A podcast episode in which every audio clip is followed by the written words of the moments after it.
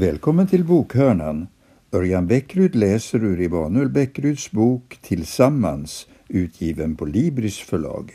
Kapitel 7 Dopet Min far berättade något mycket tänkvärt för mig.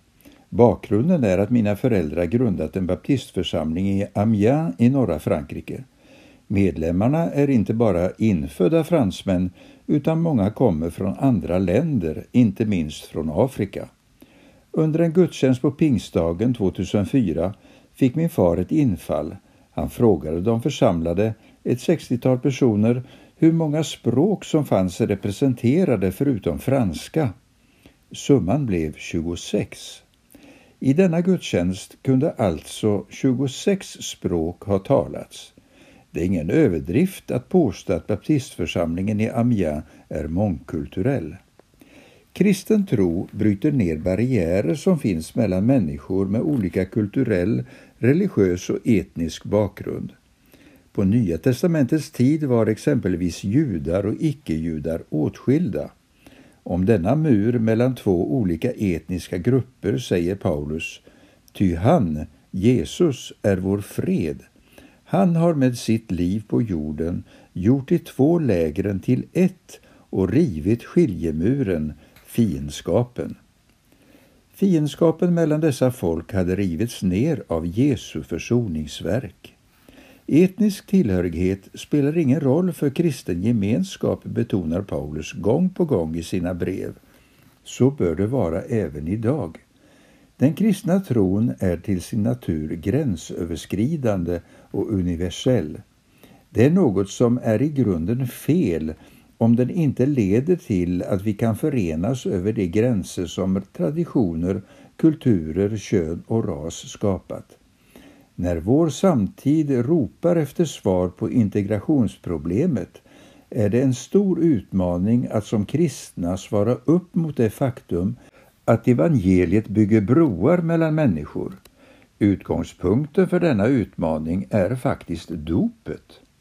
Ett nytt folk vi börjar med en central biblisk text som handlar om hur evangeliet förenar människor. Paulus skriver Är ni döpta in i Kristus har ni också iklätt er Kristus.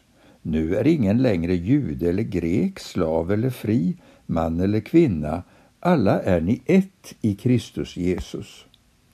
Paulus hävdar att alla som är döpta är ett med varandra.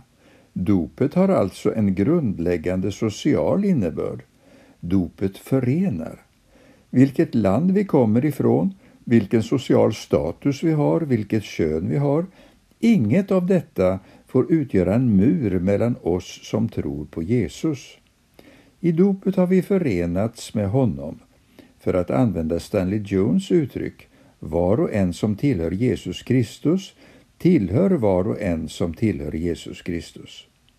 Dopet är vägen in i ett nytt folk som Gud håller på att forma i världen. Som en synlig handling utgör dopet dörren till församlingen, skriver teologen Basley Murray. I en individualistisk tid behöver denna aspekt av dopet lyftas fram. I dopet har vi blivit förenade med Kristus och med varandra. Dopet till Kristus är därför ett dop till Kristi kropp, församlingen. Den församling jag tillhör är en baptistisk församling. Det innebär bland annat att vi praktiserar ett så kallat troendedop, ett dop som man själv väljer. Vi menar att dop av spädbarn inte uppfyller det som Nya testamentet lär om dopets innebörd. Men även om vi har en klar baptistisk profil i doppraxis respekterar vi andra traditioners dopsyn. Denna respekt kommer till uttryck genom att även barndöpta kan bli medlemmar i vår församling när de kommer på flyttningsbetyg från en annan kristen församling, så kallat överfört medlemskap. På grund av denna öppenhet är det viktigt att vi är tydliga i fråga om vår egen baptistiska övertygelse.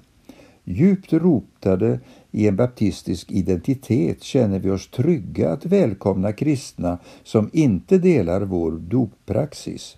Det enda vi ber dem om är att respektera att vi är en baptistisk församling och att inte argumentera för barndop i församlingen. Vi kompromissar inte med vår övertygelse men försöker hitta vägar att kombinera den med generositet. Vi undervisar om troendedop, ett medvetet dop och inte om vuxendop. Det avgörande är nämligen inte att man är vuxen när man döps utan att dopet är ett medvetet steg på trons väg.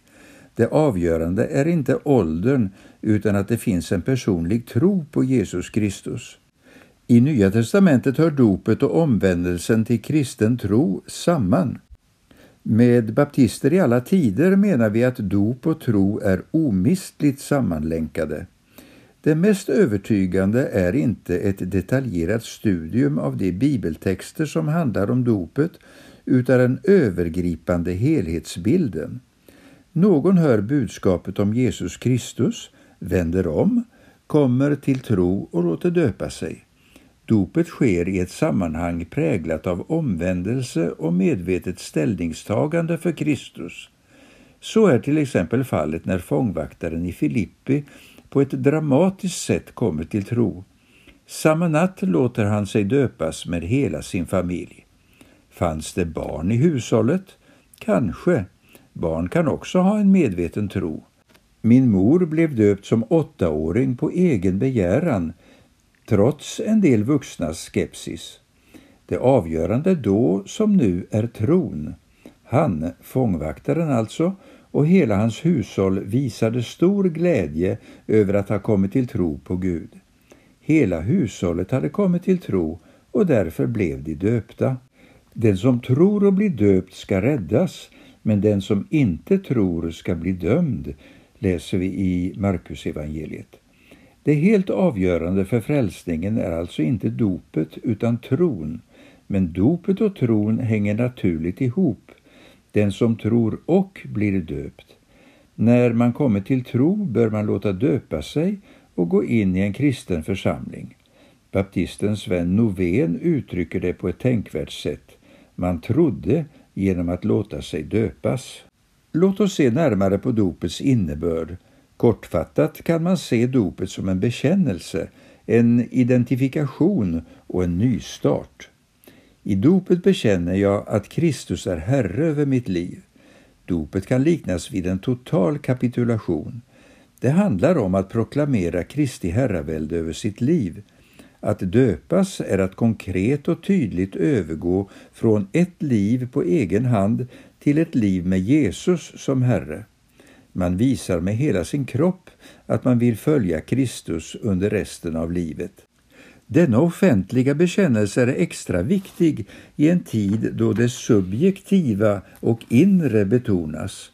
Att döpas är att säga jag tror inte på mitt eget sätt utan jag tror på den Jesus Kristus som beskrivs i evangelierna och som jag själv har mött och tror är levande idag. Dopet är alltså tro i handling. Deras dop var deras svar, skriver Besley Murray om de första kristna. Dopet är att förkroppsliga tron, att tro med hela sin kropp och inte bara med hjärtat. I dopet identifierar jag mig med Kristus. Det mest centrala i kristen tro är berättelsen om Jesu död och uppståndelse. I dophandlingen identifierar vi oss med dessa centrala händelser i frälsningshistorien. Det som hände med Jesus händer med oss. Vi begravs med honom i dopet. Och aposteln Paulus fortsätter, i dopet har ni också uppstått med honom. Att döpas är att gå in i berättelsen om Jesus och erfara hans död och uppståndelse gäller mig. Genom honom har jag löfte om evigt liv. I dopet börjar ett nytt liv. Eftersom dopet gestaltar död och uppståndelse innebär det också en nystart och omorientering i livet. Genom dopet har vi alltså dött och blivit begravda med honom för att också vi ska leva i ett nytt liv så som Kristus uppväcktes från de döda. Dopet är inte bara en personlig omorientering i livet utan också en nystart i gemenskap eftersom dopet är vägen in i församlingen, Kristi kropp. Det nya livet är inget som var och en försöker förverkliga på egen hand. Den personliga tron är ovillkorligt länkad till församlingen. Att försöka vara kristen på egen hand är nonsens eftersom det kristna livet till sitt väsen är gemenskap. Några vanliga reaktioner. Det finns två vanliga reaktioner på undervisningen om troendedop. Så här brukar jag möta dem. Så många kristna genom historien och i så många samfund kan väl inte haft fel när de har döpt barn? Detta är en ödmjuk reaktion. Den som säger så ser att det medvetna dopet verkar vara det enda dop som lyfts fram i Nya testamentet men börjar undra varför de flesta kristna genom historien praktiserat dop av spädbarn. Varför har man gjort det? Kan den stora massan ha gjort fel? När det gäller barndopets historia i den tidiga kyrkan måste man vara ödmjuk. Det är mycket vi inte vet. När man rekonstruerar historien bakom tillkomsten av barndop är det dessutom svårt att vara objektiv. Man tolkar ju gärna befintliga fakta på ett sätt som bekräftar den egna synen. Oavsett vad man kommer fram till om barndopets historia är det viktigt att komma ihåg att även denna praxis måste underkastas en prövning utifrån Nya testamentets doptexter. När man läser breven i Nya testamentet märker man hur lätt det var för de första kristna att hamna fel i lära och liv. Gång på gång får apostlarna förmana, tillrättavisa, korrigera. Det vore märkligt om just dopets betydelse och tillämpning aldrig blev missuppfattad. Det är nästan som man frestas påstå att missuppfattningar om det kristna dopet måste ha förekommit. Precis som vi i vår tid är påverkade av vårt samhälle och vår kultur var den tidiga kyrkan påverkad av sitt sammanhang. Kristna i alla tider behöver söka förstå vad Nya testamentet har att säga om dopet och granska sin doptradition efter det. Baptisterna har brutit med den breda barndopstraditionen därför att de anser att troendedopet svarar bättre mot det mönster som genomsyrar Nya testamentet. Kyrkohistorikern Alf Tergel noterar att efterhand som romarrikets befolkning kristnades blev barndopet det allmänna. Detta sammanföll i tid med att kyrkan successivt blev ett medel i politikens hand.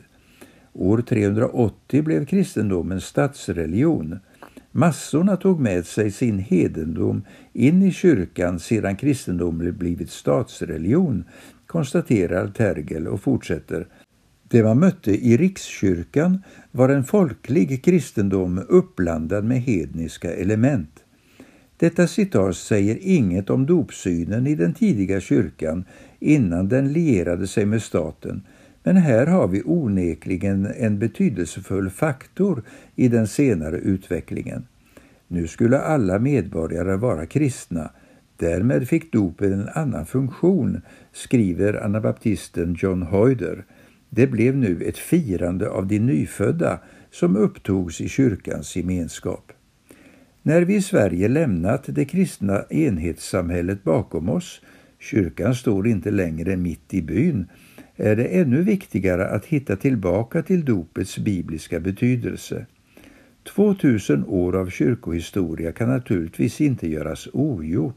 Men chansen att återerövra en nytestamentlig syn på dopet borde vara större nu än någonsin eftersom vårt samhälle mer och mer liknar den värld i vilken kyrkan först verkade. Låt oss inte nostalgiskt se tillbaka på en tid då staten gynnade kyrkan och kristendom var samhällsangelägenhet. Istället måste vi odla vår särpräglade identitet som kristna och åter bli det vi är kallade att vara, det annorlunda folket. Välkommen att fortsatt lyssna till uppläsningen ur Emanuel Beckryds bok Tillsammans